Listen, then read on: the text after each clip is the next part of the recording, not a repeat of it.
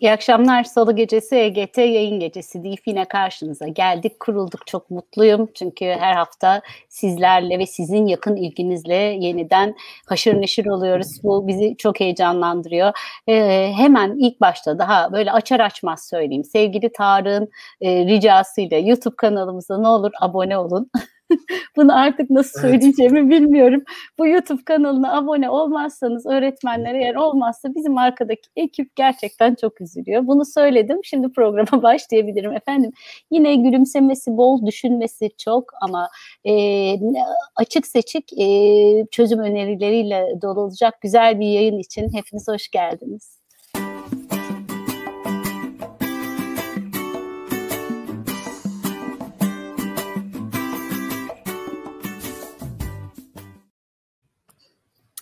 Evet, e, siz hoş geldiniz ama e, sizi karşılayanlar e, yine arkada çok heyecanlı. E, öncelikle değerli e, konuğumu hemen sizlerle buluşturayım ve e, karşılaştırayım. E, bugün tek çözüm uzaktan eğitim midir diyeceğiz değerli konuğumla. Profesör Doktor Tufan Adı Güzel bizde. Hocam hoş geldiniz. Hoş bulduk, teşekkür ediyorum. Son derece onur duydum. Heyecanlıyım, uzman bir ekip karşımda hem eğitim hem de e, farklı açılardan bakalım ne olacak ben de merak ediyorum. Çok teşekkür ediyoruz. Heyecanınıza ortak olmak çok güzel. Her salı gecesi öğretmenlerin huzurunda olmak, öğretmenlerden alıp öğretmene sunmak bizim için de çok onur verici. Ee, ama ben yalnız değilim. Kerim tabii ki her zamanki yerinde ekranda. Hatta bu gece biraz da e, sizin öğrenciniz olarak fazlaca da söz alacağını umuyorum. Onun da heyecanlı soruları var biliyorum. Kerim hoş geldin ve iyi ki davet ettin bizi. Hoş bulduk hocam merhabalar. Ee, tabii ki ben de e, tek değilim, tek olmadığımı söyleyeyim.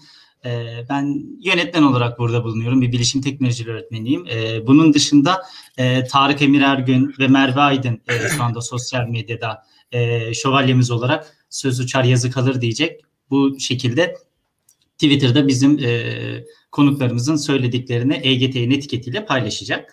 E, Merve Kılçak ve Ziya Okan Kızılay e, Instagram'da canlı yayınlarımızı yapıp yayınları sizlere daha fazla kişiye ulaştırmak için e, çalışacaklar.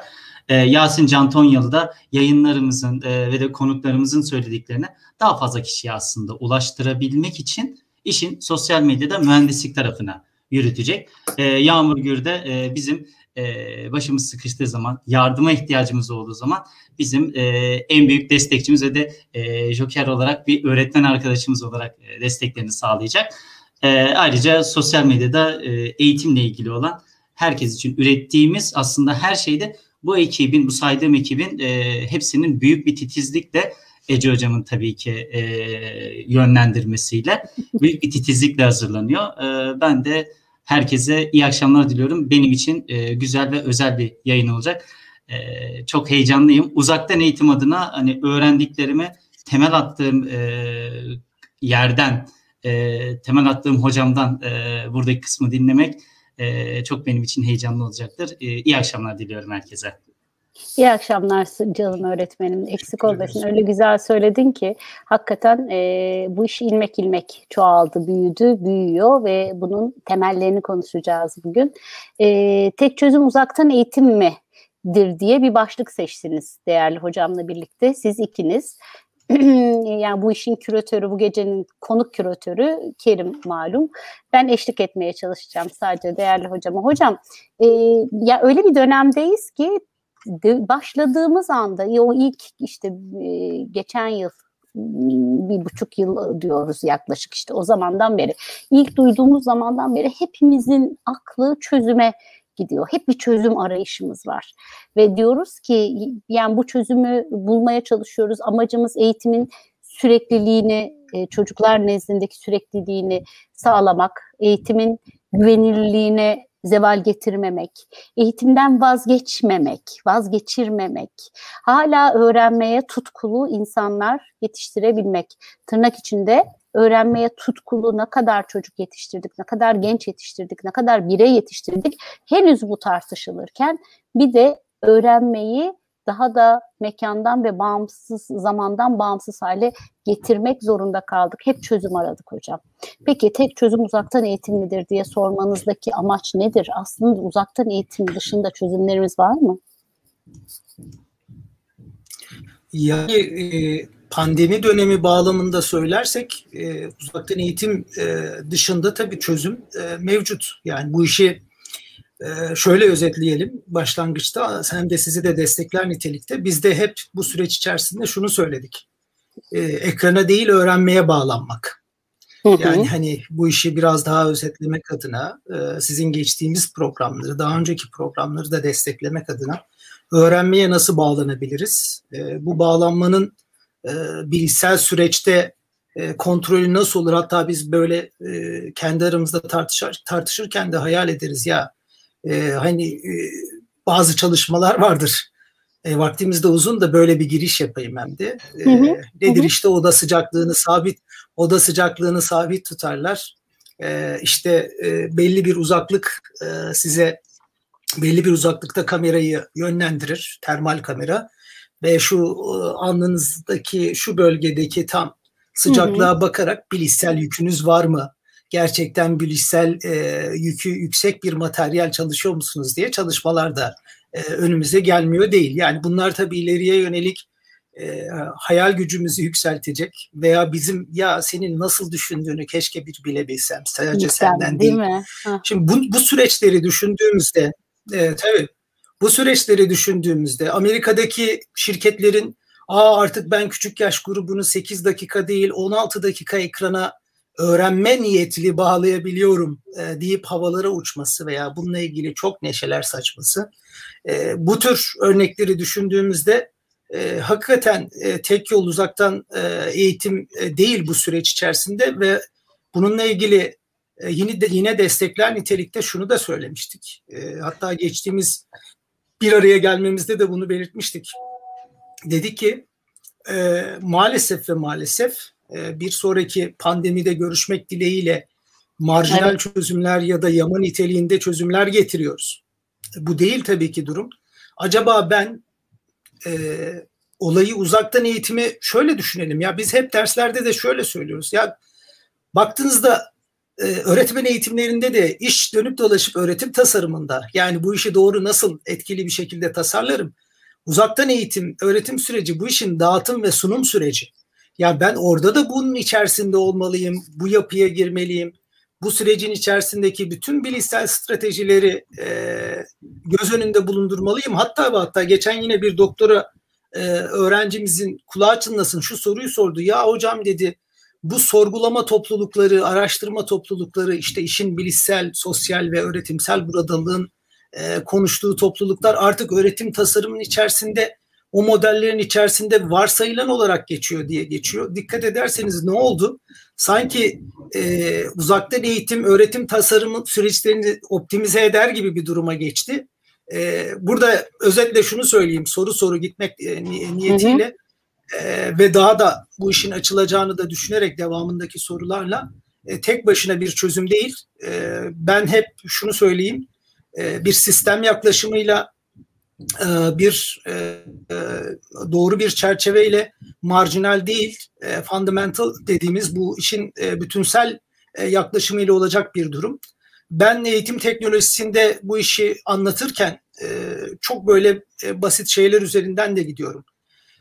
Son zamanlardaki paradigmalarla bütünleşik yapılara böyle sıkı sıkı sarıldığımız bir kurguda eğitim teknolojisinin o bütünleşik kökten 1980 öncesinden gelen yapısını düşünerek hareket etseler aslında uzaktan eğitimin tek başına çözüm e, değil e, oradaki o bütünleşik yapının birbirini tamamlayan e, birbirinden ayrı parçalarının kullanıldığı değil birbirini tamamlayan ama tek bir amaç için o öğrenmedeki süreç bilişsel süreç o karakteristiklerin hepsini göz önüne alan bir süreç içerisinde düşündüğümüz vakit uzaktan öğretimi de bu işin içerisinde ilk başta temelinde aslında ta, e, işin dağıtım ve sunum tarafında ama aslında e, iş bundan böyle eğitim teknolojisi deyince net temelli, internet temelli öğrenme göz önünde bulundurulduğunda artık e, öğretim tasarım uzaktan öğretimi içerirken uzaktan öğretim öğretim tasarımını içerdiği bir kurguyu düşündüğünüzde aslında bir açıdan bir boyuttan baktığınızda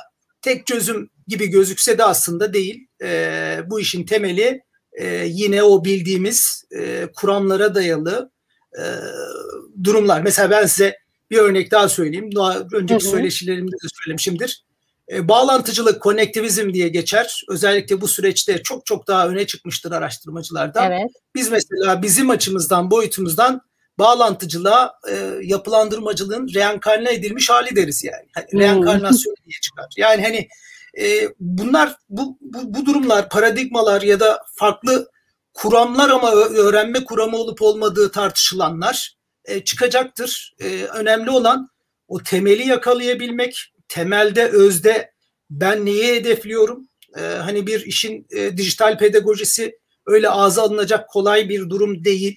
E, o bütünleşik yapıyı bakın çok net söylüyorum. Bütünleşikliği başka paradigmalarda yaşayan, yaşatan aa bu olmasaydı ben ne yapacaktım diyen öğretmenlerime sesleniyorum. Asıl bütünleşiklik eğitim teknolojisinde vardı. Onun ucunu kaçırmayalım lütfen deyip bu hmm. soruyu böyle noktalayalım. Ben, ben, ben aslında güzel. evet pas ben, attı. Ya aslında benim burada e, hocam e, şöyle bir şey aklıma geldi bununla ilgili. E, iki tane soru aslında aklıma geldi. Temel olarak e, bir öğretmen gözüyle bakmaya çalışıyorum. E, şimdi salgın sürecinde amacımız bizim o zaman e, sadece öğretmeni teknolojik olarak e, donatmak, teknolojik altyapıyla donatmak mı? Bununla birlikte de aslında bağlantılı olarak e, öğrenciye teknolojik donanımı verirsek eğitimdeki çözümlerin hepsi aslında üretilmiş olur mu? Hani bu iki soru benim biraz da e, aklıma geldi. Hani bunları bir sormak istedim. Bağlantılı olarak ya şimdi e, tabii tabii yok burada da şunu açabiliriz. Ya ben e, burada söylerken e, biliyorsunuz e, burada biz bizeyiz samimi olarak benim bir e, felsefem vardır diye şöyle olaya başlayayım yani hani benim bir felsefem vardır. E, şöyle e, biliyorsunuz ben çoğu konuşmada hep şunu söylerim. Ofisten sallamayan profesör olmak isterim diye ben. Hmm. Yani e, sahada sahadakinin gerçekten e, e, gerçekten karakteristiğini bilip e, o karakteristiğe göre şimdi e, elbette e, öyle bağlamlar, öyle ihtiyaçlar, öyle durumlar söz konusu ki e, kimi e, daha hazır bulunuşluğu olmayan kurguda hocalar, öğretmenler ya da yöneticiler dedi ki ben bu süreçte bir an önce atlatayım. Hani böyle sanki atlanılacakmış gibi bir bakış marjinal hani yama çözüm dediğimiz. Halbuki biraz olayı e, açalım. Yani biliyorsunuz benim çok dertlendiğim bir nokta da var. Ben öğretmenlerin eğitim bilimleri araştırmacısı olmasını isterim. Şimdi eğitim bilimleri araştırmacısı olmak demek gidip de bu alanda büyük bir şekilde e, araştırma temellerine sahip olmak değil, betimsel düzeyde yani ne olduğunu ne bittiğini bilmek e, bağlamında. E, ben bunu düşünüyorsam, bu şekilde hareket ediyorsam, evet tamam günü kurtaracak bazı çözümleri üreteyim ama arka planda da e, bu büyük plana yani hep e, bazı e, modellerde size gelir ya big idea diye büyük fikir, büyük fikre giden yolda ne yapıyorum? Ya bu büyük fikre giden yolda da bir şey yap ki ben de öbürkünü tolere edeyim, diyeyim ki geçici olsun diye. O yüzden araç kullanımları evet hazır bulunuşluğu olmayan kurumlarda e, veya öğretmen arkadaşlarda ama e, bu araç kullanımları ile ilgili de çok fazla e, şeyler, efsaneler dolaşıyor. Yani bir dersin içerisinde o kadar fazla araç kullanıyor, araç manyağı sinerji de gidiyor orada, öz de gidiyor. E, bunlar bunlar da hiçbir sıkıntı yok. Ben bunları tolere edebilirim. Çok saygıyla da karşılarım. Çünkü o bağlamda ben de olsam belki ben de o çözümleri üreteceğim. Ama büyük fikir ne arka tarafta? Ben bu büyük fikre nasıl gidiyorum? Küçük çaptaki bir senkron dersimde 20 dakika, 35 dakika orada bile ne yaptığımı, ne ettiğimin farkında mıyım? Yoksa saat doldurma ya da bir şekilde onları orada meşgul etme. Yani sadece hani engaging dediğimiz olayda meşgul etmeyi ne anlamda yapıyoruz? Acaba kullandığımız araçlar öğrenciyi meşgul etmek için mi yoksa öğrenmelerine katkı sağlamak için mi? Mesela ben çoğunlukla e, iyi yapanlara saygı duyuyorum ama meşgul etmek babında işin yok oyunlaştırmadır, değerlendirmedir, ölçmedir. Siz bir bütün olarak büyük fikir noktasında e, böyle söylemlerde söylüyoruz. Dönüştürücü yetkinlikler, şu beceriler, bu beceriler, o beceriler. işte kurumun böyle bir felsefesi var. Şu beceride olması lazım dediğimiz noktada her ders o beceriye ne kadar katkıda yapıyor? Bunu ölçebiliyor musunuz? Bununla ilgili bir değerlendirme var mı? Bu aracı kullanınca oraya yönelik bir hamlesi var mı? Bunlar çok basit araştırmalar. Ya bunun için ya hocam bizim işte öyle bir hazır bulmuşumuz ya yapmayın diye kızıyorum ben. Hep kapasitemiz de var, imkanlar da var. Bakın öz, özel ihtiyaçlar da var, olağanüstü ihtiyaçlar da var. Bu tetikliyor ama dediğim gibi mesajı doğru algılamak lazım. E, o yüzden e, araç kullanımında evet benim bir e, ortalıkta dolaşan bir biliyorsunuz efsane bir lafım var. E, tulcular sizi diye e, hani çulculardan esinlenerek ama bunu söyleme sebebim e, o büyük fikri veya işin stratejisi ya da e, işin e, öğretim tarafındaki o ucu kaçırmamak adına. Yoksa kullananlara, bu işi doğru yapanlara, doğru entegre edip gerçekten öğrenme yolundaki katkıyı nasıl yaptığına dair bir fikri olanlara her zaman saygımız. Hatta onlardan da öğrenmek için e, böyle yani ben randevu bile alırım. Bana randevu versin. O süreçte bana anlatsın. Gerçekten o öğrenme yolculuğunda neler yaşadığını anlatsın. Duymak da isterim. E, zaten yaptığımız eğitimlerde e, hoca arkadaşlar, öğretmenlere de hep bunu söyleriz. Ya bize bir şeyler söyleyin ki biz başka eğitimlerde sizdeki, sizdekilerini satıyoruz diye. Hani bu noktada. O yüzden e, bu açılabilir. Özel sorular da gelir ama ben e, her türlü soruda e, bu konuda dediğim gibi bağlamsal olarak e, değerlendirip tartışmak isterim. Peki benim aklıma hani biraz derinleştirmek için şu geliyor. Ee, gerçekten öğrenmenin e, bağ kurmakla çok alakası olduğunu artık biliyoruz. Demin siz de anlattınız. Öğrenme dediğimiz şey aslında e, bağ kurmak ve ihtiyaç olması, ihtiyacın e, ihtiyaca cevaben öğreniyoruz. Ya da işte ne bileyim zorunda kalırsak öğreniyoruz bir şeyleri. Bunları artık çözdü bu yüzyıl. E, fakat ister uzaktan ister yüz yüze olsun eğitim sisteminin gerçekten bu anlamda paradigmasal olarak büyük değişikliğe ihtiyacı olduğunu da işte sizle katıldığımız panellerde de konuşuyoruz sürekli. Şimdi hem biliyoruz hem bunu konuşuyoruz. Ben size metre soracağım. Sizce hedefe kaç metre uzaktayız? Çok mu uzaktayız? Evet, yani güzel, bu zor bildiklerimize soru. evet, bildiklerimize çok mu uzaktayız? Ya ben e, ben aslında hiç uzak değiliz. E, aslında e, yakınlaştık, içinde dolaşıyoruz ama ortayı bulamıyoruz tarzında diye desem daha iyi olur. Hmm. Hani bazen böyle Güzel, hani çember verici. noktasında biz ulaşamıyoruz. Tabii tabii tabii. Ben ona inanıyorum. Ancak ve ancak doğru şeyler yapmak ve iyi bir işbirliği yapmak. Yani o hani sihirli durum vardır. Hatta şimdi son okumalarımızda da şu çıktı karşımızda nasıl sosyal yapılandırmacılığı e, adlandırırken e, hep şöyle derler. İşin sosyal öğrenme ve bağlantıcılığın aslında birleşmesi ve işin işbirlikçi e, öğrenmesiyle birlikte sosyal yapılandırmacılığa tam böyle geçiş e, noktası hı hı. var. Şimdi işbirliğini biz öğrenen grubunda çok iyi yapıyoruz ama diyelim yani ya da yaptığımızı düşünüyoruz ya da bir şekilde hep öne çıkarıyoruz bu işbirliğini gerçekten e, bu işin paydaşları olarak doğru yaptığımızı zannetmiyorum ben. Hı. Hani e, o yüzden dolaşıyoruz dolaşıyoruz. İşbirliğinde iş gol yiyoruz zaman e, diyorsunuz. E, gol yiyoruz. Yani o işbirliğinde... Ama işbirliği çok önemli. İşbirliği e, bu aslında paradigmasal dönüşümün kaldıraçlarından biri diyorsunuz. Doğru anlıyorum değil mi? Yani şu an, şu an, tabii, tabii, baskı yapıyorsunuz. Tabii, tabii. Ya niye üzerine baskı yapıyorum? Şu an öğrenme kuramları bağlamında hatta bu pandemiyle birlikte online collaborative learning diye Hı-hı. bas bas bağırıyorlar. Yani işin sosyal evet. yapılandırmacı evet. bağlamında. E şimdi sen bunu öğrenme tarafında yapıyorsun ama gerçekten e, bu ittifakı niye yapamıyoruz? Ben mesela yeni mezun olan öğrencilerime şunu söylüyorum. Gençler hani konnektivizme evet ben reenkarnasyon diyorum ama bir yandan da şu var. Güçlüyle ittifak edin demek. Bunu hayata transfer ettiğinizde bunun karşılığı. Güçlüyle evet. ittifak edin. Bakın bu çok önemlidir. Biz e, o işbirliğini güçlüyle ittifak edecek doğru güçlüyle bakın konnektivizm ya da bağlantıcılığın en önemli noktası da hani meşhur bir şey yapılandırmacıda know-how vardır ya onda da know-where yani git doğru neredeyse doğru kaynak bu kişidir e, bir materyaldir o doğruyu yakala ve getir e, o doğru ile birlikte o işi inşa et ya da o bilgiyi inşa et ya da birlikte işbirliğiyle artık sonuca doğru git işin yapısal tarafında.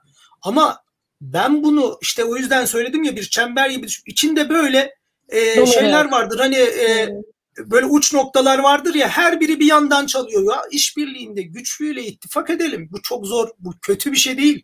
Yani Artık hep şu örneği veriyoruz. Büyük firmalar Google'dır, Apple'dır, Samsung'dur birbirlerini mahkemeye vermeyi bile bıraktılar, ittifak ediyorlar. Siz neyin peşindesiniz diye soruyoruz. Yani niye ne gerek var? Alan uzmanlarında şövenistliği bırakıp gerçekten eğitim tarafındaki o yumuşaklığı daha objektif yaklaşımlarla ve bu alan içerisinde uzman olmuş her paradigmada çıkıp ben de bu alanın uzmanıyım demesin insanlar. Bıraksın evet. desinler ki ben bu bu alanla ilgili doğru uzmanla çalışıyorum. Güçlüyle ittifak ettim. önemli bir strateji hamlesi yapıyorum ve bu e, işin yatırım tarafında bakın bunu şirketlere de söylüyorum. Ben sektör tarafında da bir şekilde işbirliği içerisindeyim. Mesela ben geçen onlardan bir şey duydum, ödül alan bir akademiden bir şey duydum. Biz dedi çevik öğretim tasarımına geçtik. Hadi ya dedim ben daha çevik öğretim tasarımını anlatmadım ki dedim şeyde. e, derslerde anlatmadım. Yani hani Dedi ben çevik öğretim tasarımına geçtim dedi. Valla ben de merak ettim. Hani bu iş nasıl, nasıl olacak? Hı-hı. Nasıl şey hocam diyor biz diğer türlü e, rekabeti yakalayamayız dedi. Biz bu çevik öğretim tasarımında bu eğitim materyallerini bu şekilde Şimdi bu ne demek? Tamam orası bir baskı veriyor. O baskıda da ben diyorum ki hemen işin katma değerini istiyorlar ama o akademiler de görüyor ki işte ben o e, katma değeri tamam çevik bir yapıda alacağım ancak ama şeyden vazgeçmiyorlar. Bakın sistem yaklaşımdan. Bu çok önemli Rekabet. bir olay. Eğer vazgeçselerdi, vazgeçselerdi bir şey derdim onlara. Mesela ben ona son derece saygıyla yaklaştım ve dedim ki evet biz bu tarafta da artık böyle bir kapasitede bakın siz bu çeviklik yapısında bile sistem yaklaşımından vazgeçmeyip güçlüyle ittifak edebilecek bir hamleyi, işbirliğini yakalamaya çalışıyoruz. O yüzden sorunun cevabı aslında bence uzak değiliz. Sadece oradaki yarı çapın içerisindeki e, uzaklık ama hep hep eşit gibi uzaklık. Bazıları çok yakın merkeze. Doğru bir e, işbirliği e, bu işi kotaracaktır. Dediğim gibi ittifak, e, güçlü ittifak, doğru ittifak e, aslında şu anki e, online'daki konnektivist o bağlantıcılık yaklaşımı içinde geçerli olan şeyi sadece biz normal hayatın içerisinde transfer edilebilir bir şekilde yöneticiler bağlamında, öğretmen bağlamında e, düşünüyoruz. Disiplinler arası e, diye bas bas bağıran e, paradigmalar e, aslında benzer şeyi söylüyor. Benzer Türkiye'yi söylüyor. Yani e, fenci matematikçiyle ittifak etsin, e, X yöneticisi Y yöneticisiyle ittifak etsin. Bilgi teknolojileri kişileri de eğitim teknolojileriyle doğru ittifak etsin. Peki bu noktada e, çok kalıplaşmış böyle e, kültürü e, yıllara sari oturmuş okulların işinin zor olacağını düşünüyor musunuz? Ya da tam tersi yepyeni okulların e, böyle daha hiçbir kültüre oturmamış okulların belki de işbirliğinden nasiplenme konusunda hani çünkü rekabet demin dediniz ya rekabeti e, baz alacaklarını düşünürseniz eğer hayatta kalabilmek adına okul olarak e, zorlanacağını düşünüyor musunuz? Hangisi daha zor ya da Şimdi şöyle kolay? Tabii işin bir de e, sanal tarafından baktığınızda biz hep şunu söyleriz.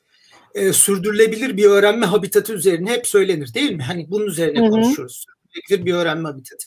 Şimdi diğer yandan da ben kendim veli olarak düşündüğümde evet kültürü olan bir okul çünkü ben bir bütün e, e, kişi yetiştirilmesini istiyorum. Ama bir yandan da baktığınızda o kültürün içinden çıktığında e, hani çocuğun ruhu değişir ya e, o Hı-hı.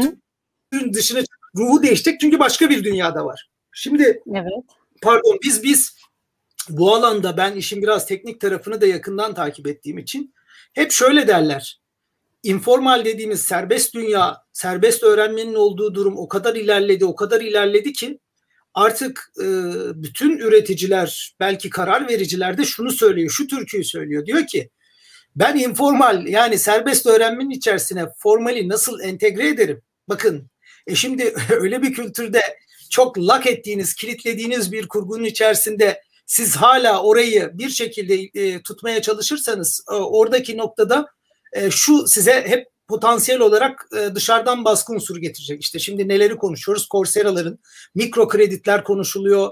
E, açık öğrenme kaynakları konuşuyor. Yani serbest öğreneceğin ve serbest kazanacağın bir sürü şey varken o kapalı kutunun içerisinde acaba veliler de buna ne kadar tahammül edecek? Ben bir bütün olarak o kültürü yaşayan bir öğrencim e, ama bir yandan da o rekabeti yakalayacak sizin söylediğiniz gibi dışarıda e, işte büyük firmalarda kendine yer bulacak, çoklu görev yapabilecek, birden fazla beceriyi entegre edip e, onu transfer edebilecek, eninde sonunda problem çözme dediğimiz o genel noktayı verebilecek bir durum var mı? Onu yakalamaları lazım ama bir yandan da şu var. Şu şu konuda onları da desteklerim. Çünkü ben akademik bakmak lazım. E, bu iş aynı şeyle alakalı. Bir kültür e, e, sistem eğitimini kabul ederken e, dedi ki ben etmiyorum çünkü ben küçük yaşta yaratıcı hmm. ve eleştirel düşünme becerilerini ve problem çözme becerilerini zaten veriyor diye. Eğer bu kültürün içerisindeki çok yıllık okullar bu problem çözme, eleştirel düşünme, yaratıcı düşünme dediğimiz o temel becerileri gerçekten verebilir ve teknoloji noktasında da en azından belli e, temel noktalarda standardı götürürlerse ben buna da varım. Ben bir veli olarak buna hayır demem inanın. Çünkü o beceriler o kadar kritik ki transfer edilebilir bir kurguda yaptığınız vakit e, o zaman çok daha e, farklı bir e, kurguya da geçecektir. O yüzden Tabii. E, o beceriler sayesinde evet. aslında o beceriler sayesinde öğrenci öğrenme sorumluluğunu üstüne alıyor. Tabii, yani tabii. E, bu bu sorumluluğu verdikten sonra zaten gerçekten e, e, öğrenmenin, eğitimin e, amacı gerçekleşmiş oluyor. Bizim istediğimiz şey bu zaten. Dolayısıyla yani, bir pek çok e, bilişsel becerinin temeli öğrenme sorumluluğunun üzerine almasını başarabilmesiyle alakalı bireyin. Sözünüzü kestim ama çok doğru bir yerde olduğumuzu düşündüğüm için. Tabii tabii yok rica ederim e, her zaman. E, araya girin ben de dinlenmiş oluyorum. hani tamam o zaman. E, şey e, çünkü e, ben oraya da o açıdan da düşünmek zorundayım ama bunu vermek kaydıyla. Yani hani bu dediğimi vermek kaydıyla bunu veremeyip gerçekten e, o istenilen potansiyeli, karar vericiyi, o istenilen problem çözücüyü, eleştirel düşünücüyü yetiştiremiyorsan ve bir yandan da bu teknolojik tarafta e, bunu ortaya çıkaracak e, teknoloji altyapısını, kurgusunu, stratejisini de işe koşmuyorsan o zaman e, 100-120 yıla bakmazlar inanın. hani neler Hı-hı. yaparlar bilmiyorum. Veli tarafından düşünmekte fayda var. Evet. Burada aslında e, ben benim aklıma bağlantılı olarak yeni şu soru geldi. E, evet e, şu devirde çokça e, uzaktan eğitimle ilgili e, konuşuyoruz, bir şeyler yapmaya uğraşıyoruz, çabalıyoruz. Ama e, bir gün illaki bu pandemi bitecek. E, sizin de dediğiniz illaki. gibi bir sonraki pandemide görüşürüz. E, o aralıkta hani o görüşeceğimiz aralığa kadar pandemiden sonrasında hocam e, biz öğretmenlerin e, ya da yöneticilerin e, vizyonu, izlemesi gereken yollar sadece teknoloji anlamında da değil hani e, sizin bahsettiğiniz diğer konular anlamında da e, neler olmalı? Nasıl bir yol, nasıl bir e, vizyon evet. takip etmeliyiz? E, teşekkür ediyorum. E, şimdi tabii e, e, şey diyeceğim şimdi çok şey söyleyeceğim ama kırılmasınlar. e, kimse kırılmasın. E, ben bazen böyle derslerde de ya da konuşmalarda söylerim. Ne söylersem iyi niyet çerçevesinden söylüyorum.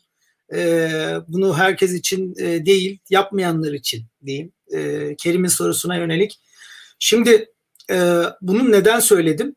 E, şu an öyle bir hava var ki işte o yama stratejisiyle hareket edip her şey bittikten sonra geriye dönecek bir durum var. Tabii burada en önemli nokta da veli. Yani velinin e, verdiği o ne diyeyim yani korku mu diyeyim ya da verdiği hani o iz mi diyeyim velinin verdiği izle bazı şeyleri yapmak ama bazı şeyleri çok şeffaf anlatmak lazım. Yani ben geçmişte benim veliye karşı bir başarı hikayem var bu tür süreçte sene 99 bakın çok önceleri. Yani bunlar bu teknolojiler yok. İnanın e, doğru bilgiyle, doğru bir potansiyelle, doğru başarı hikayeleriyle velinin önüne şeffaf bir şekilde e, çıkabilirsek, e, bazı şeyleri doğru anlatabilirsek bu çıkar. Yani bu işte yapacağınız işte o marjinallikten bütüncül bir yapıya geçişte doğru bir algı yönetimini sergileyip yukarıdan aşağı bir çerçeveniz olup bu çerçeveye her ay içerisinde, her hafta belki işte dönem sonunda ne kadar e, ilerlediğiniz o çerçevede ne kadar bağlı kaldığınızı şeffaf bir şekilde gösterdiğiniz vakit olacaktır. Şimdi buradaki en önemli unsur şu. Bütün literatür, sosyal medya kaynıyor tabii bunlarla ilgili ama özetle şuna geliyoruz. E, geldiğimiz nokta şu. Online teknolojiler kullanılmaya devam edecek. Bundan kaçış olmayacak. Şimdi vizyon bunun üzerine kurgulanmalı. Yani vizyon e, hani o kavramlarda vardır ya biri karma der, biri harmanlanmış der, biri hibrit der, biri şu der, biri bu der. Ya bırakın kavramları da öze gelelim. Tamam ben kavramlar noktasında da her söylevde kavramları anlatıyorum ama mesela kafa karıştırmak için ya flip miydi rounded mıydı? ya bir dakika bir dakika hibrit deniyor ama bir öğrenci yönelimli hibrit var, bir kurum yönelimli hibrit var. Bak dikkat edersen hala karıştırıyorum. Evet. Bakın hibrit, evet. hibriti, hibrit, hibriti de e, böldüm. E, harmanlanmış tarafından aslında Philip'in grandfather'ı yani dedesi aslında harmanlanmış mıydı neydi bilmiyorum. Acaba onun akrabası şu olur muydu? Öze gelirsek e, ben bunu aslında bir eğitim teknolojisi e, e, konuşmasında da şöyle söylemiştim. Bilirsin Kerim sen de hatırlarsın optimize etme olayını söylemiştik. Hatta bunu en iyileştirme diye belirtmiştim. Şimdi hocam. bu bu çerçevede bakmak lazım. Yani bu çerçevede şöyle bakmak lazım. Ben o öğrenme sürecini en iyileştirmem gerekiyor. Hani mühendisliğin terimiyle optimizasyonu yapmam lazım. En iyileştirmem lazım.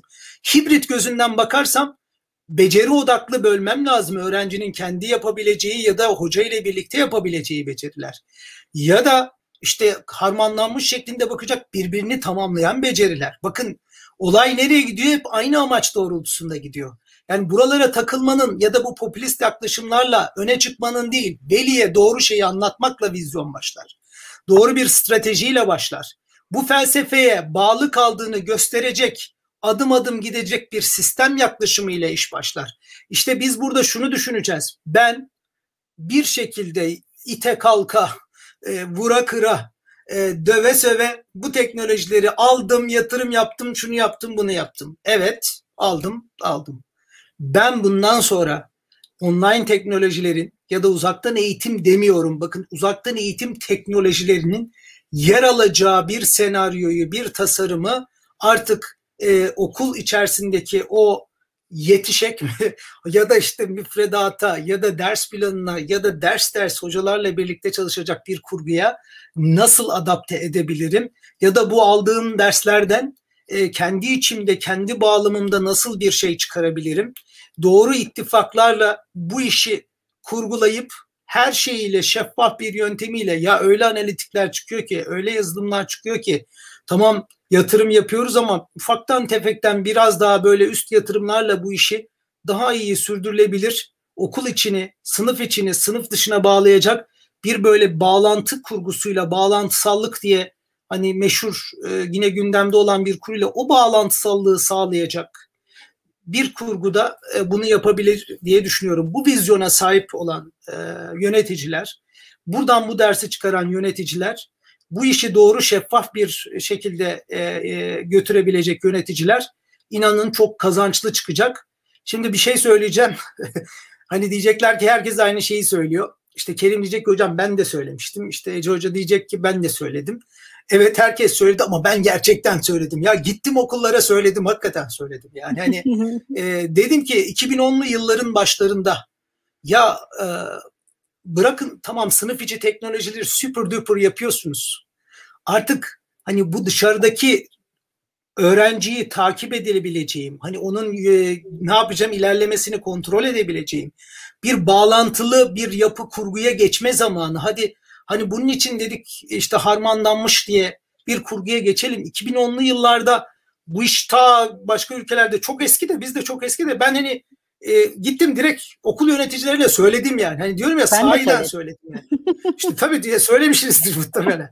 Ya şimdi bunu bunu düşündüğünüz vakit şimdi bile bakın 11 yıl geçmiş diyelim 2010'lu ya da 10 yıl geçmiş. Şimdi bile halen aynı şeyi söylüyoruz. Diyoruz ki Tabii. bunu yapmaya devam edin. E şimdi o yüzden e, vizyon noktasında ben onların mali durumlarını e, hepsini e, bir şekilde daha düzenli e, öğrenenlerin öğrenmesine katkı verecek şekilde e, ve bu işin katma değeriyle ilgili ah, biraz daha sabrederek hareket ettiklerinde hani ben başka e, boyutlara girmeyeyim e, çok iyi bir duruma gelecekler diye düşünüyorum. Ama e, bu işi yama deyip e, bir şekilde alan şövenistliğine bırakacak yöneticiler. E, çünkü kimle görüşürseniz hocam benim alan için uygun değil der. Resim benim hmm. alan için uygun der. Müzik benim alan için uygun değil der. Alan şövenistliğin e, şeyine bırakılırsa bu iş e, ben e, o e, sıkıntı olacağını düşünüyorum. Peki ben e, bir de öğrenci cephesinden bir soru sormak istiyorum. Şimdi bu dönemde e, hepimiz online derslerde gördük ki öğrencilerden de çok şey öğrenmemiz gerekiyor. E, ya da ben kendi adıma çok şey öğrendim öğrencilerimden. E, sadece teknolojik yatkınlık mevzusundan da bahsetmiyorum. Aslında onların e, bu alanda nasıl var oldukları, nasıl var olmak istedikleri ve bu alanı nasıl değerlendirdiklerini de öğrenerek yeniden programlarımızın üzerine çalışmamız gerekiyordu e, diye düşünüyorum ve ben kendi adıma bunu yapıyorum. Sizlerin de eminim bunu yaptığınızı düşünüyorum. E, fakat biz öğrencilerden e, çok ciddi e, yani gözlem dışında feedback alıyor muyuz? Almalı mıyız? Yani bir eğitim e, teknolojileri alanı alan uzmanı olarak e, hiç yani ben kendi adıma şunu düşünüyorum. Hiçbir şey kimseye rağmen yapılamaz. Yani öğret öğrenciyi düşünmeden bu işi yapılandırmamız bence mümkün değil. Ama siz ne düşünüyorsunuz? Öğrenciden nasıl bilgi toplamalıyız? Onların eğilimlerini nasıl e, bil, bil, tutum haline çevirebilmeliyiz? Yani davranışlarımızın içine nasıl yedirmeliyiz? Ben bunu soracağım. Bir de tabii şunu soracağım. Hani işbirliği demiştiniz ilk sorularda hatırlıyor musunuz? İşbirliği, işbirliği, evet, işbirliği. Evet. Biz öğrenciyle işbirliği yapmayı biliyor muyuz? Öğrenebilir miyiz? Evet aslında ikisi de zor bir soru. Ee, hani Çalıştım e, hocam ben gidersek hep, tabii tabii. Ben hep öyle zor e, sorulara. E, zor sorular. Şimdi birincisinde aslında e, birincisine ufaktan bir giriş yapmıştım. Hani öğretmenler için eğitim bilimleri araştırmacıları evet. olmalılar. E, kendi dersleri e, bağlamında e, hiçbir yöneticiden, hiçbir kimseden beklemeden e, küçük çapta mini araştırmalarla neyi nasıl yaptıklarını e, şu açık dünyada e, çok rahatlıkla e, takip eder, sorularını cevap bulabilirler. Hatta kendilerine bir tane e, akademisyen bile bulur bu araştırmalarıyla ilgili fikir alırlar, danışabilirler.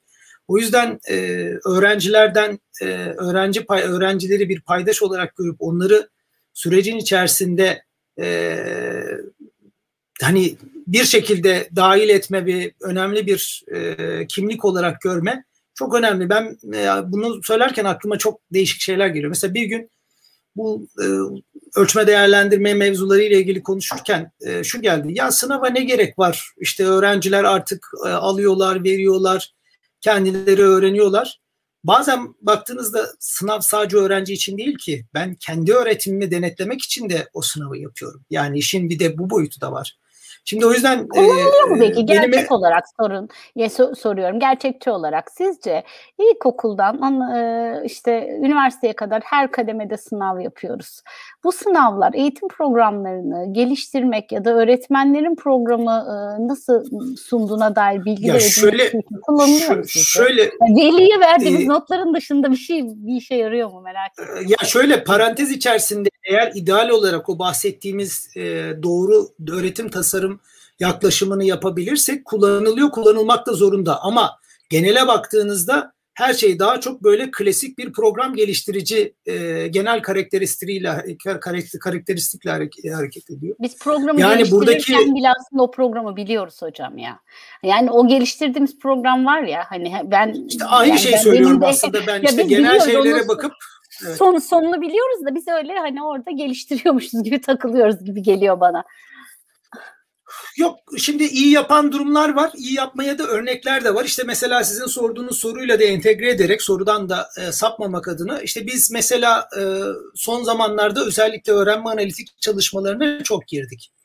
E, hı hı. Mesela e, güzel çalışmalardan bulunduğum kurumda şu ki çalışmadan da birini söyleyeyim. E, verilen ders değerlendirmeleri öğrencinin dönem içerisindeki bıraktığı izlerle entegre ederek hareket ediyoruz ki öğrencinin bize verdiği değerlendirmenin tutarlı olup olmadığı ile alakalı bazı izlenimler elde ediyoruz. Ne kadar doğruluk yakalayabilirsek. Mesela bunlarla ilgili çalışmalar inanın çok zor değil. Ee, önemli olan gerçekten böyle bir kurguda hareket etmeniz. Şimdi dönem içerisinde de e, ders ders e, sadece bireysel, subjektif olarak kendi görüşünüzde hareket ederek giderseniz e, kullanılıyor gibi gözüküp aynı biz bunu şey deriz şeytanın sağdan yaklaşması gibi ben kullanıyorum ama her şey subjektif. Yani evet. hani her şey subjektif. O zaman işin bilimsel tarafı nerede kalıyor?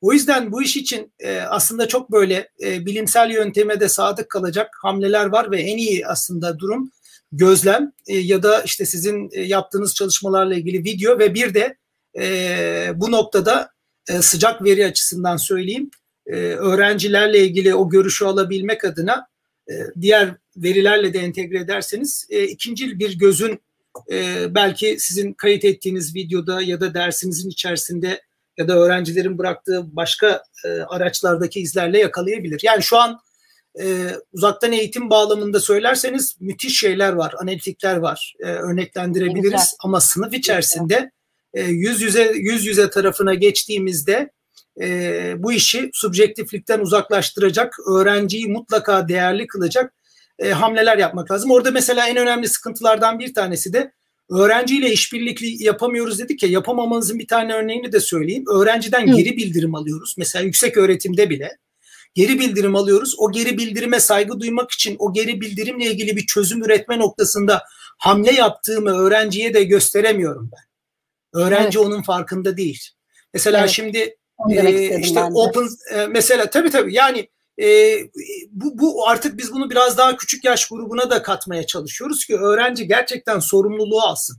Biz mesela işte Kerim'in az önceki sorusuna şunu da belki ekleyerek de bu soruyla birleştirip söyleyebilirim.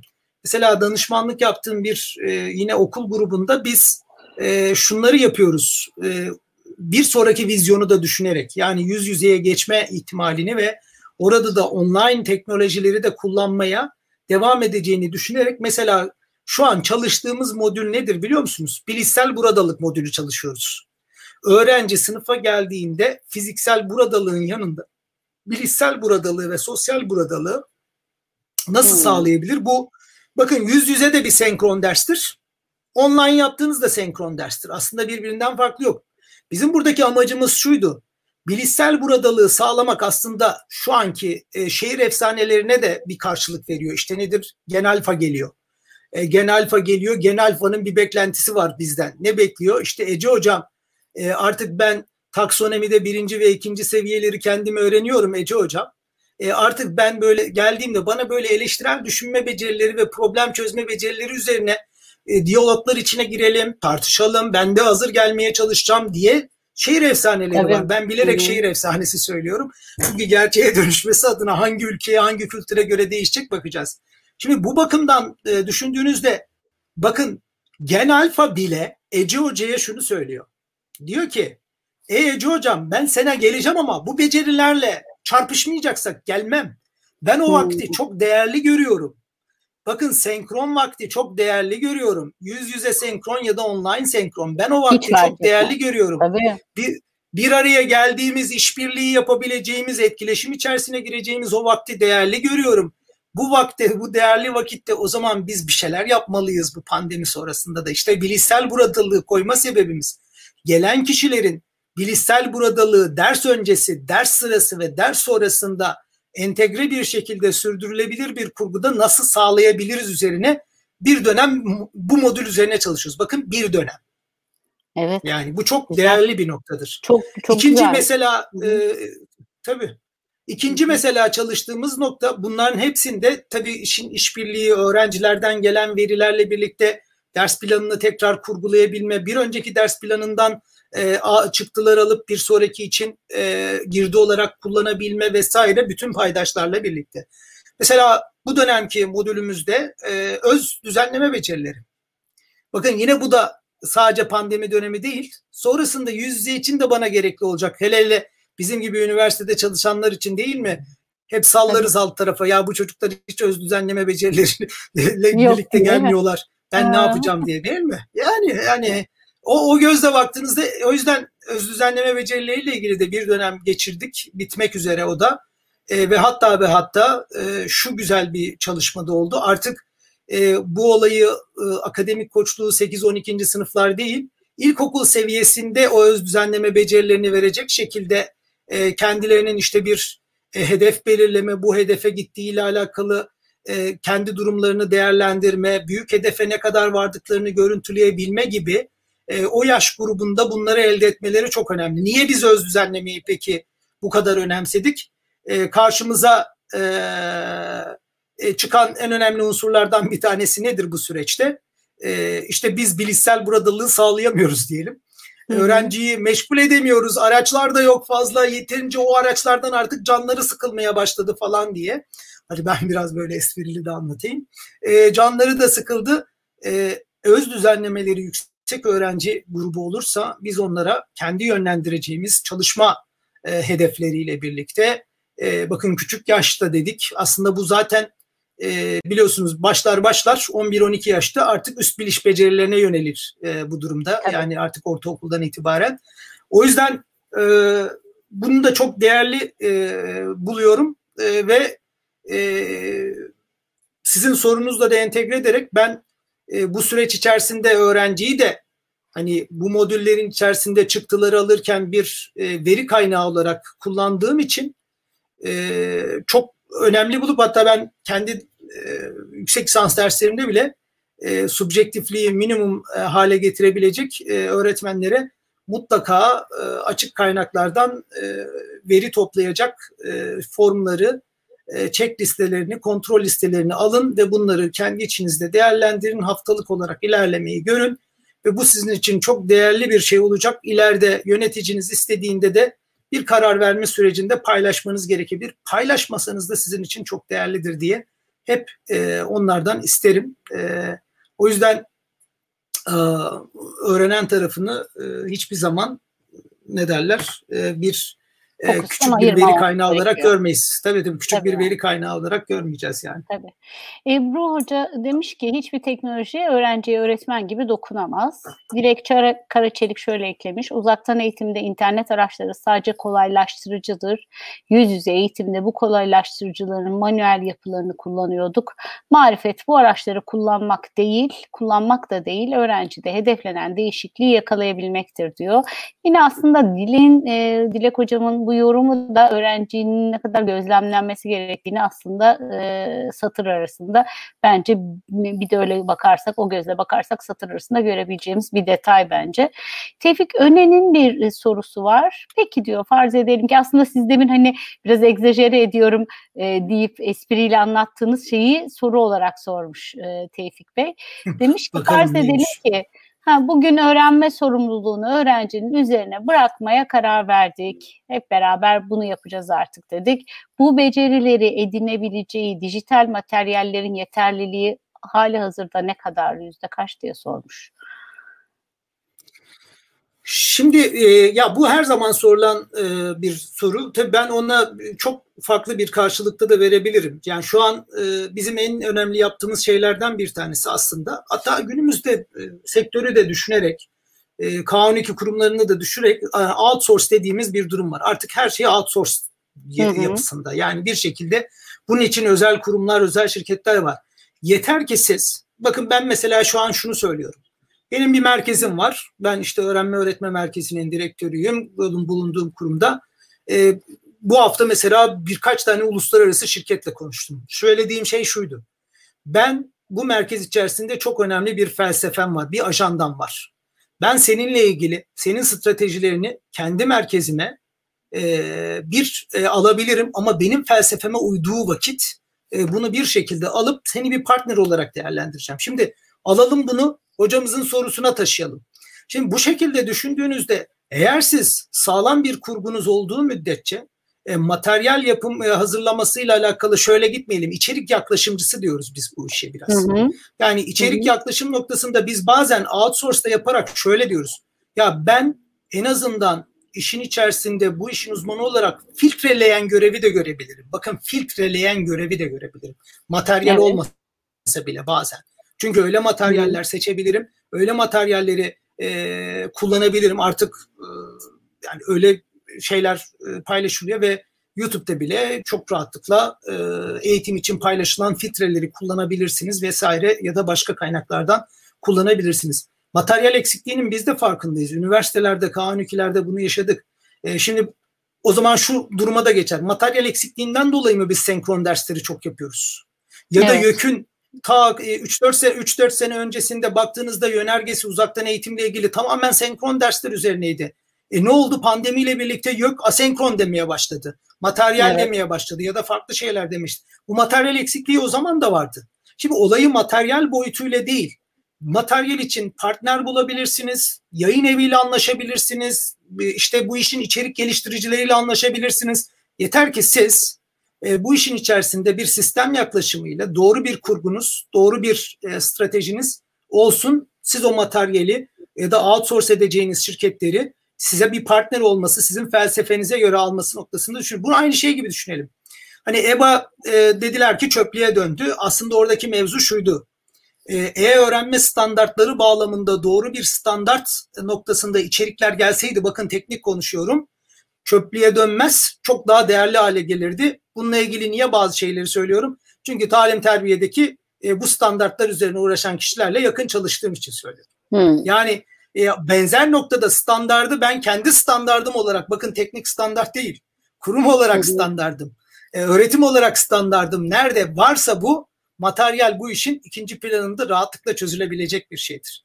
Ben aynı zamanda e, bu içerik kısmı ile ilgili de e, bir öğretmen arkadaşla birlikte ortak COSGAP şirketimizde var. İçerik işleriyle de e, ilgileniyoruz. Hani burada şey için söylemiyorum. Benim gibi yüz bin tane vardır. Türkiye'de 50 tane bulursunuz. Ya da en azından felsefenizi verdiğinizde o içerik geliştirme noktasında doğru size içerik geliştirecek bir sürü şirkette bulabilirsiniz. Bulamayan arkadaşları da biz benim şirket hariç e, yardımcı olabilir. Bu arada peki mesela Yunus Bey demiş ki bilişsel buradalık falan diyoruz çok güzel ama önemli olan bunu nasıl sağlayacağımız. E, bu, bunu halletsek zaten çok şey hallediliyor diyor. Mesela meslek lisesinde uzaktan eğitimde bilişsel buradalığı nasıl sağlayacağız diyor. Çünkü şöyle bir haklı Türkiye e, eğitim konusunda rengarenk bir e, durumda. E, hem değişik kademelerde, hem değişik okul türlerinde, hem değişik e, okullarda e, rengarenk. Burada böyle bir hani çok mu genelden üfürdük acaba? Ne dersiniz? Şöyle bir yok yok gayet doğru. Oradaki hmm. tabii sorduğu şeyler uygulama boyutuyla algılıyorum ben. Çünkü hmm. ben de bir meslek tabii. lisesi mezunuyum. Bu arada e, Haydarpaşa meslek mezunları e, el sallasın Hı-hı. falan söylüyorum. tamam. Hani böyle böyle. Hemen Tarık abone olsunlar. Haydarpaşa buradan buradan Haydarpaşa Mes Haydarpaşa Meslek Lisesi'nin yöneticilerine de sesleniyorum. Bir kere olsun e, iyi bir mezun ürettiğinizle ilgili beni davet etmediniz. Haberiniz olsun bu arada. Hani sizin yayın üzerinden sallamayayım ben. tamam, hani böyle bir noktada şimdi e, ben e, meslek meslek lisesiyle ilgili e, bilişsel buradalık öyle kolay değil. Yani hani bir süreç. Ha, e, dikkat ederseniz biz e, bu, bu süreci yaşarken öğretmenlerle birlikte e, harmanlıyoruz. Öğretmenlerle birlikte tasarlıyoruz. Onlardan gelen geri dönüklerle birlikte yapıyoruz. Şimdi e, meslek lisesine çok farklı boyutlardan bakmak lazım. Yani benim zamanındaki meslek liselerini de geçtik. O zaman çok farklı bilişsel buradalık vardı. Şimdi çok farklı bir bilişsel buradalık var. Ben hatta şu an meslek liselerinin inovasyon kapasitesi üzerine bir doktora tezi de yazdırıyorum. Ee, hani oradaki o inovasyon kapasitesini ya da oradaki kapasitenin çok çok da e, bilincindeyiz. Ama uzaktan eğitim boyutuyla baktığınızda uygulama dersleriyle alakalı ya olaya çok böyle e, sıkıştırılmış kısımdan bakmayalım. Bir de olaya söylediğimiz şeyi genelleyerek de bakmayalım. Ben mesela meslek lisesinde uygulamaya, uygulamaya yönelik öğretim tarafında çok farklı bilişsel burada harmanlayacağım bazı şeyler vardır. İşin tasarım boyutunda. E, teorik kısımda çok farklı şeyler vardır. İşin öğrenci profili açısından söylüyorsanız olay çok farklı yere gider. Hmm. Yani ben o yüzden öğrenci profiliyle ilgili derseniz ben de derim ki o zaman o öğrenci profilini oluşturan sistem ya da sınav sistemiyle de alakalı bir durumdur bu. Baktığınızda e, ben oraya seçmece e, o öğrenci grubunu getirdiğim vakit evet bazı şeyleri göz önünde bulundurmam lazım. O zaman o öğrenci grubunun isteğiyle e, bazı şeyleri rol model olarak gösterebilirim. Benim mesela en önemli yaptığım şeylerden bir tanesi de e, ilk önce öğretmen olarak biz o rol modelliği o öğrenci profiline yönelik sağ, sağlıyor olmamız lazım. Ben öğretmen olarak algı yönetimi yapabiliyor muyum? Bakın bu algı yönetimi kötü niyetli söylemiyorum. Rol model bağlamında söylüyorum. Algı yönetimini yapabiliyor muyum doğru bir şekilde? Bakın işin öğretim tarafın ayrı, bir de algı yönetimi var. O öğrencideki evet. e, öğrenciyi analiz edelim, oradaki algıyı alalım, mesajı alalım, doğru tasarlayıp geri gönderelim. E, kendi okul yaşantım içerisinde verdiğim mesajlarda uzaktan eğitimdeki kültürü kendim yaşıyor muyum ki öğrenciye de o kültürü yaşatabileyim? Mesela benim en önemli eleştirilerimden bir tanesi de odur. O öğretmenlerimizin bazıları o kültürü yaşamıyor senkron tarafta. Ben her gün bağlanma kültürü istiyorum öğretmenlerimizden mesela. Sisteme bağlanacak ve sistem üzerinden mesajlar vermesini ya da kullandıkları ana sistem üzerinden öğrenciye hani buna sosyal buradılık dersiniz de bu başka bir şeydir. Algı yönetimidir. Bakın çok net söylüyorum. Hı hı. Yani sosyal buradalık dersiniz, şu buradalık dersiniz algı yönetimidir. Ben buradayım. Ben seni takip ediyorum. Ben senleyim. Aslında bağ ee, kurmak ee, ben, için. Yani, e, yani bir yandan da o şekilde adına, tabii ben o şekilde olumlu yönde söylüyorum. Hı-hı. Tabii yani tabii. o yüzden öğrenci profili bağlamında e, evet zorlanacağımız şeyler olacaktır. Bizim söylediklerimiz ideal noktada bazı kısıtlı noktalarda olacaktır. Ama buralardan biraz nemalanalım, deneyelim. E, denemekte fayda var. E, alıp kendimiz kendi bağlamımıza bunu optimize edelim, uyarlayalım, uy- uyarlama tarafına girelim. Biz bunları istiyoruz. Alın modamot uygulayın demiyoruz ki. Evet, e, bağ kurarak her şey yapılabilir aslında. Yani çok net orası. Bence de buradan bakmak lazım. Bu arada son bir soru e, soracağım. Arif Naci Hoca'nın bir sorusu. Biraz da aslında kapanış e, sorusu gibi olacak. E, çünkü bir ufak reçete e, ihtiyacımız var. Diyor ki Arif Naci Hoca, sanki bir öğretmen olarak okula dönüşte zorlanacak gibiyiz. E, öğrenciler de bu dönüşte bizden daha fazla zorlanacak sanıyorum demiş. Bunu aşmak için özellikle çocuklarla neler yapmalı yapmalıyız diye sorar. Hem böyle sizden bir özet almış olalım hem de bir reçete.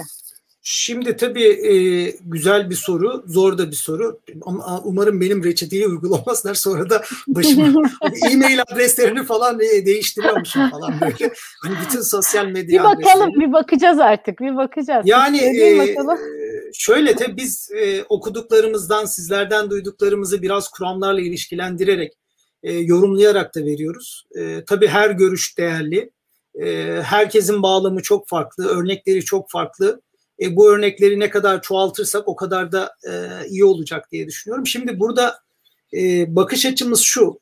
Hangi hangi bağlamda biz öğrenciyle bir araya geleceğiz? Hala normal, gerçek normalde mi bir araya geleceğiz? E, bunu bir ilk önce e, şartlı olarak e, bir varsayımla başlayalım. Yani gerçek Tabii. normalde bir araya geleceğimizi düşünüyorum diyelim mesela. Böyle başlayalım. Yani böyle bir gerçek normalde bir araya geldiğimizde e, tabii şimdi e, olaylar e, şu boyutta oldu. Bir ölçme değerlendirme e, sistemleri e, darmadağın oldu öğrencilerle ilgili. E, ve bir de e, beklentiler değişti. E, artık öğrenci e, hani ekran başında e, hani o kameraları kapalı bir kurguda değil, direkt sizi canlı görecek e, ve e, hani nasıl olsa ya ben zaten kapalı ekranda bunu öğreniyordum. Hani az önce genel ile ilgili bahsettim ya. Kapalı hmm. ekranda zaten hocam böyle moda mod böyle sizin aktif olduğunuz bir şeyi yapıyorduk. Bakın burada bir araya geldik yüz yüze e, artık fiziksel uzaklık yani yüz yüze senkron biraz daha değerli işin boyutu. Hani online senkronda senkron zaman değerli diyoruz ya yüz yüze senkron hocam ben buraya fiziksel de geldim. Hani hmm. bu fiziksel de bir araya gelmenin e, biraz farklılığı ile ilgili özellikle belli yaş gruplarında e, bu ortaya çıkacak. Yani belki işte 5. sınıftan itibaren e, tahmin ediyorum. Bu ortaya çıkabilir. Buna dikkat etmekte fayda var. Yani şöyle söyleyelim. Benim az önce söylediğim o optimizasyon noktasında yani ben sınıfı sınıf dışına bağlayabilecek bir e, kurguyu e, burada da ya, yaşatabilecek miyim? E, ders içerisinde e, o taksonomideki üst düzey noktalara gelebilecek miyim? Kısmı olacak ama bu belki e, bazen de şunu diyordur hocalarım ya hocam en fazla 2-3 hafta sürer 2-3 hafta sonra da her şey normale döner. Şimdi ben öğrenciyi dersten önce nasıl e, e, şey yapacağım e, hazır materyali çalış da gel şunu da yap bunu da yap. Ben orada her zaman e, dik duruş isterim e, dik duruş yapınca öğrenci belli bir şeyden sonra bu duruma gelebilir. Ben e, özellikle bunun sorgulanacağını düşünüyorum. İkinci boyutlu ölçme değerlendirme tarafında. E, tabii ölçme değerlendirmede e, idealist olan, öz düzenlemesi yüksek olan öğrenci için normale dönüşte e, çok büyük bir farklılık olmayacaktır ama e, diğer tarafta bu becerileri henüz daha sergileyememiş bir öğrenci grubunda e, bu e, noktada e, ufaktan ufaktan adaptasyon sıkıntısı da çekeceğiz. O yüzden öğretmenlerimizden şunu istiyoruz. Yöneticiler de vardı varsa burada onlara da biraz challenging olacak bir durum. Ee, öğrenciyi sınıfta ve sınıf dışında rahatlıkla tek e, e, tek bir sistem üzerinden kontrol edebileceğim bana altyapı sağlanırsa diye söylüyorum öğretmen olarak.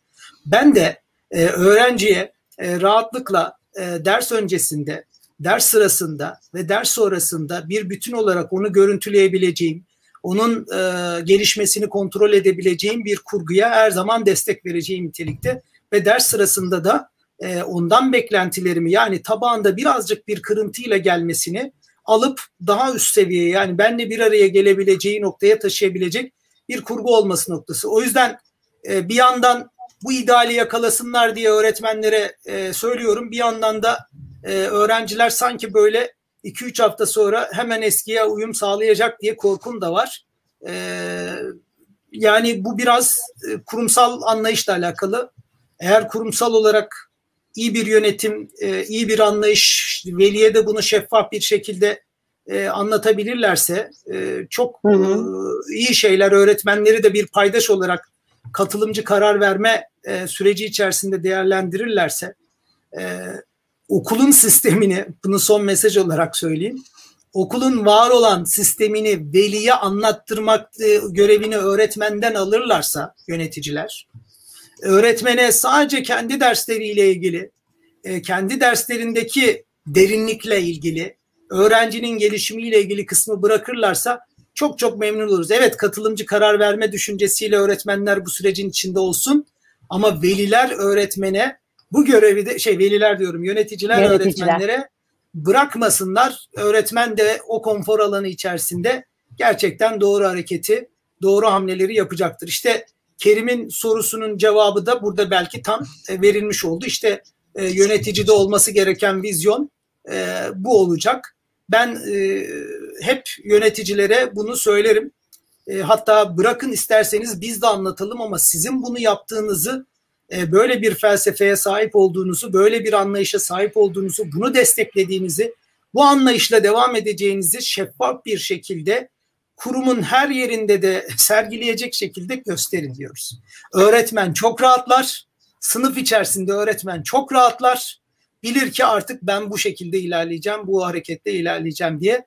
Ben biraz daha bütüncül baktım ama sınıfa öğrenciler nasıl gelir, nasıl gider, daha önce bir kültür nasıldı, kurum öğrenciyi nasıl welcoming yaptı, hoş geldinle karşıladı, e, bunlara bağlı olacaktır yani. Hani e, eski alışkanlıklarımız neydi diye böyle bir e, evet ne yapıyorduk daha önce e, gibi bir şeyle karşılamalarla olacaksa sosyal buradalıkla kabul ederim ama bilişsel noktada bunu kabul etmeyeceğim çünkü e, çok farklı e, şeyler dönüyor, e, paylaşılıyor. E, bizim de bu e, e ivmeyi yakalamamız lazım e, deyip e, bu şekilde bu arada, noktalayayım. Bu arada Baran Doğru Hocam da e, bir yorumda bulunmuş. E, ben sizin söylediklerinizi yani yöneticilere atıfta bulunduk. Öğretmenlerin e, kendiyle olan e, barışıklıkları ile ilgili şeyler söyledik ama sisteme de atıfta bulunmak lazım. E, Baran Hoca'nın e, mesajını okuyarak aslında sisteme de atıfta bulunmuş olalım isterim. Öğretmenler olarak biz müfredat yoğunluğundan dolayı işbirlikçi yöntemlerle bilişsel buradalığı sağlamakta güçlük çekiyoruz demiş. Ee, bizim müfredatımız mı yoğun, müfredat algımız mı yoğun, müfredatlar üzerinden sınava hazırlamak çocukları e, sorumluluğumuz mu yoğun? Bunu da düşünmek lazım. Ya tabii tabii tabii, tabii, tabii. Buyurun. Buyurun yok e, ben yok sizin daha önceki programlarda bunu mutlaka tartışmışsınızdır bu topa girmeyeyim. Ama sistem zaten sıkıntılı e, ama o sistemin e, biz başka şekillerde başka durumlarda e, bir şekilde böyle teğet ya da bir yan yolda nasıl benzinliğin içinden geçip trafikten kurtularak bir hamle yapıyorsak hani bunu Google ve Yandex'te öğrendiyse hani bir haritalarda hani hemen bize benzinliğin içinden geç trafikten kurtul gibi böyle bir yol da veriyorsa bunu başka şeyler için yapıyoruz. Ee, e, çok böyle şey durumlarda müfredata takılıyoruz.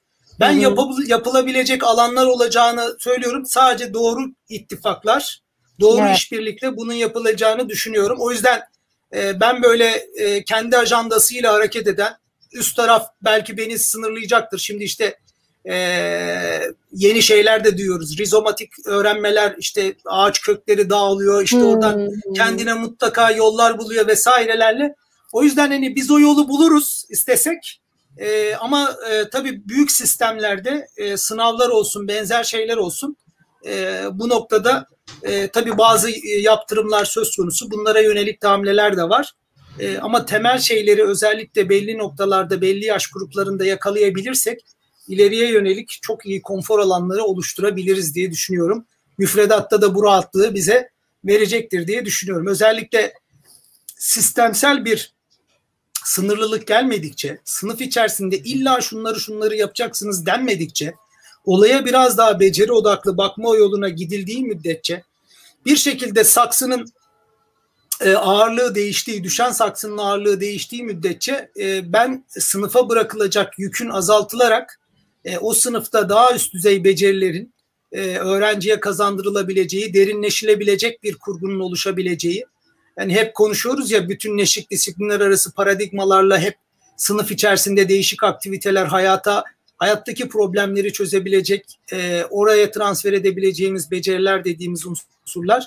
E, o zaman biz de e, öğrenciye kırıntıları ders dışında bırakacak bir kültürü kurumda oluşturabilirsek eğer, e, ders içerisinde de bunu tamamlayacak bir kültürü de oluşturabilirsek eğer, sonrasında da e, ders içinde ve sonrasında değer, bu işte derinleşebilecek bir kültürü oluşturabilirsek eğer, böyle bir bağlantısallık sağlayabilirsek eğer, ben müfredata aykırı olduğunu düşünmüyorum. Sonuçta e, bu işin dağıtım e, e, kurgusu noktasında. Ama dediğim gibi öyle bir şey, yapı vardır ki işte Ece Hoca gelecek, Ece Hanım gelecek, ders içinde illa şu şu şu konuları e, o anda senkron saatte olması gerektiğini e, böyle e, söyleyecek bir durum ya da veli ya siz bu senkron saatte ne yapıyorsunuz diye e çünkü bize öğretmenlerden bu geliyor. Biz bu bilişsel buradalık ve harmanlanmış öğrenme deyince e bize öğretmenler hocam veli arkada dinliyor. Hocam ben seni dinliyordum. Sen oyun oynar oyun oynuyorsun.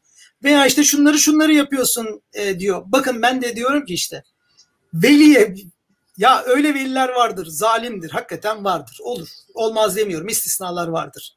Ama doğru şeffaf bir şekilde yaptığınızı öğretmenin bireysel yaptığına da sahip çıkacak bir üst düzey anlayışla bu veliye anlattığınız müddetçe, bu sisteme bağlı kaldığınız müddetçe müfredatı nasıl tamamladığınızı gösterecek bir kurgunuzu sağlam ona dayandığınızı gösterdiğiniz müddetçe o velinin sayısı azalacaktır. Ben olmaz demiyorum azalacaktır. Ya yeter ki hakikaten böyle bir vizyon dönüşecektir e, diyorsunuz yani. Velilerin yani de dönüşür hocam, dönüşmez diye bir şey yok. Çünkü kendi aynı durumda kaldı. Velilerin yarısı aynı durumda kaldı. Kalmadı değil ki. Tabii. Aynı durumda kaldı. Bu arada Kanada semalarından Mehmet Aksoy da e, bir yorumda bulunmuş. Harika vurgular sevgili hocam. Bu bağlantılı kurgu söylemini bir plana döküp kurumlara sunmak gerekiyor elbette. MEP statükocu yaklaşımından sıyrılıp bu yönde adım atmalı demiş ve de Kerim'e selam söylemiş. Hani bana bir şey söylememiş Mehmet ama neyse ben okumuş Mehmet, olayım. Mehmet Hoca'ya selam e, beraber plan yaparız. Harika. Ee, İlkay Kumteme müfredat engel değil. Biz müfredatı engel gibi görüyoruz. Öğretmene engel olan şey sınav sistemi ve test sorularına dayalı kaynak kitap sektörü. Öğrencilerle farklılıklar yaratmak için programlar uygun demiş. Ben de aslında o soruyu sorarken buna e, eleştirel bir şekilde var, bakmış. Var, soru var, işareti var, koyarak var, e, düşünmüştüm. Çok teşekkür Doğru ediyorum hocam. hocam. Ağzınıza ben teşekkür ediyorum. Vallahi e, içimizi döktük. Yaptığımız ha, bir şey yok. ne güzel, ne güzel. ee, içimizi döktük. döktük. Kayıtlara geçti ama bu da sizle de bir yayın e, yapmış olduk ve seçkimizde sizin de isminizin olması bizim için çok onur kaynağı oldu. Bilmukabele ben, teşekkür ediyorum. Ben bu yayın için sevgili Kerim'e de küratörlüğü için teşekkür ediyorum. Ee, sevgili izleyiciler eğer siz de yayınların böyle küratörlerinden biri olmak istiyorsanız izlemek istediğiniz e, konukları mutlaka bize bildirin. E, hatta tanıyorsanız bizle bağlantıya geçirin. Sizin isminizle beraber, küratörlüğünüzle beraber o programları yapalım. E, biz bugün e, uzaktan eğitimdeki çözümleri ve e, belki de bağlamları konuştuk. E, belli ki daha çok su götürecek bu iş. E, daha çok program yapacağız bununla ilgili değil mi hocam? belli ki çok söylenecek sözümüz var. Ha, davet ederseniz gelirim. Tabii ki. en, ben en ufkumu açmak için hazırım. ufkumu açmak için her türlü e, ben hazırım hocam. Teşekkür ediyorum. Teşekkür ediyorum. Arada bir gelmek isteriz. E, biraz da konu biriksin. Öyle geliriz yani tabii ki. E, söylemeyi unuttuğunuz bir şey olmasın hocam. Tarık hani size görev vermişti. Ee, var. Arkadaşlar YouTube kanalına üye olun. Mutlaka. Eğer üye olursanız ben e, arada bir gelme sözü veriyorum. E, Kerim'in davetiyle. E, ben de e, ben de e, yeni katılanlardanım.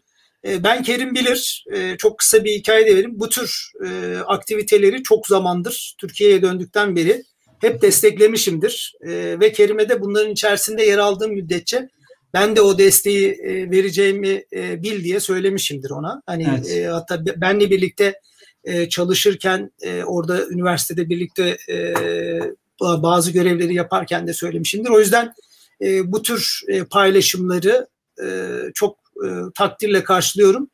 E, buradaki bu karşılıklı de fikirler bizim için de çok değer. E, aldığımız mesajlar, sizlerin sordukları sorular. Yani e, bu tür YouTube kanalları üye olmak için e, gerçekten değerli deyip işi noktayı koyayım. Hani bizim bizim arkadaki ekip de bundan mutlu oldu. Efendim e, ve son teşekkürüm de tabii ki her zaman bizi izleyenler, sözümüze söz katanlar, e, satırlarıyla renk katanlar, duygularıyla duygu katanlara.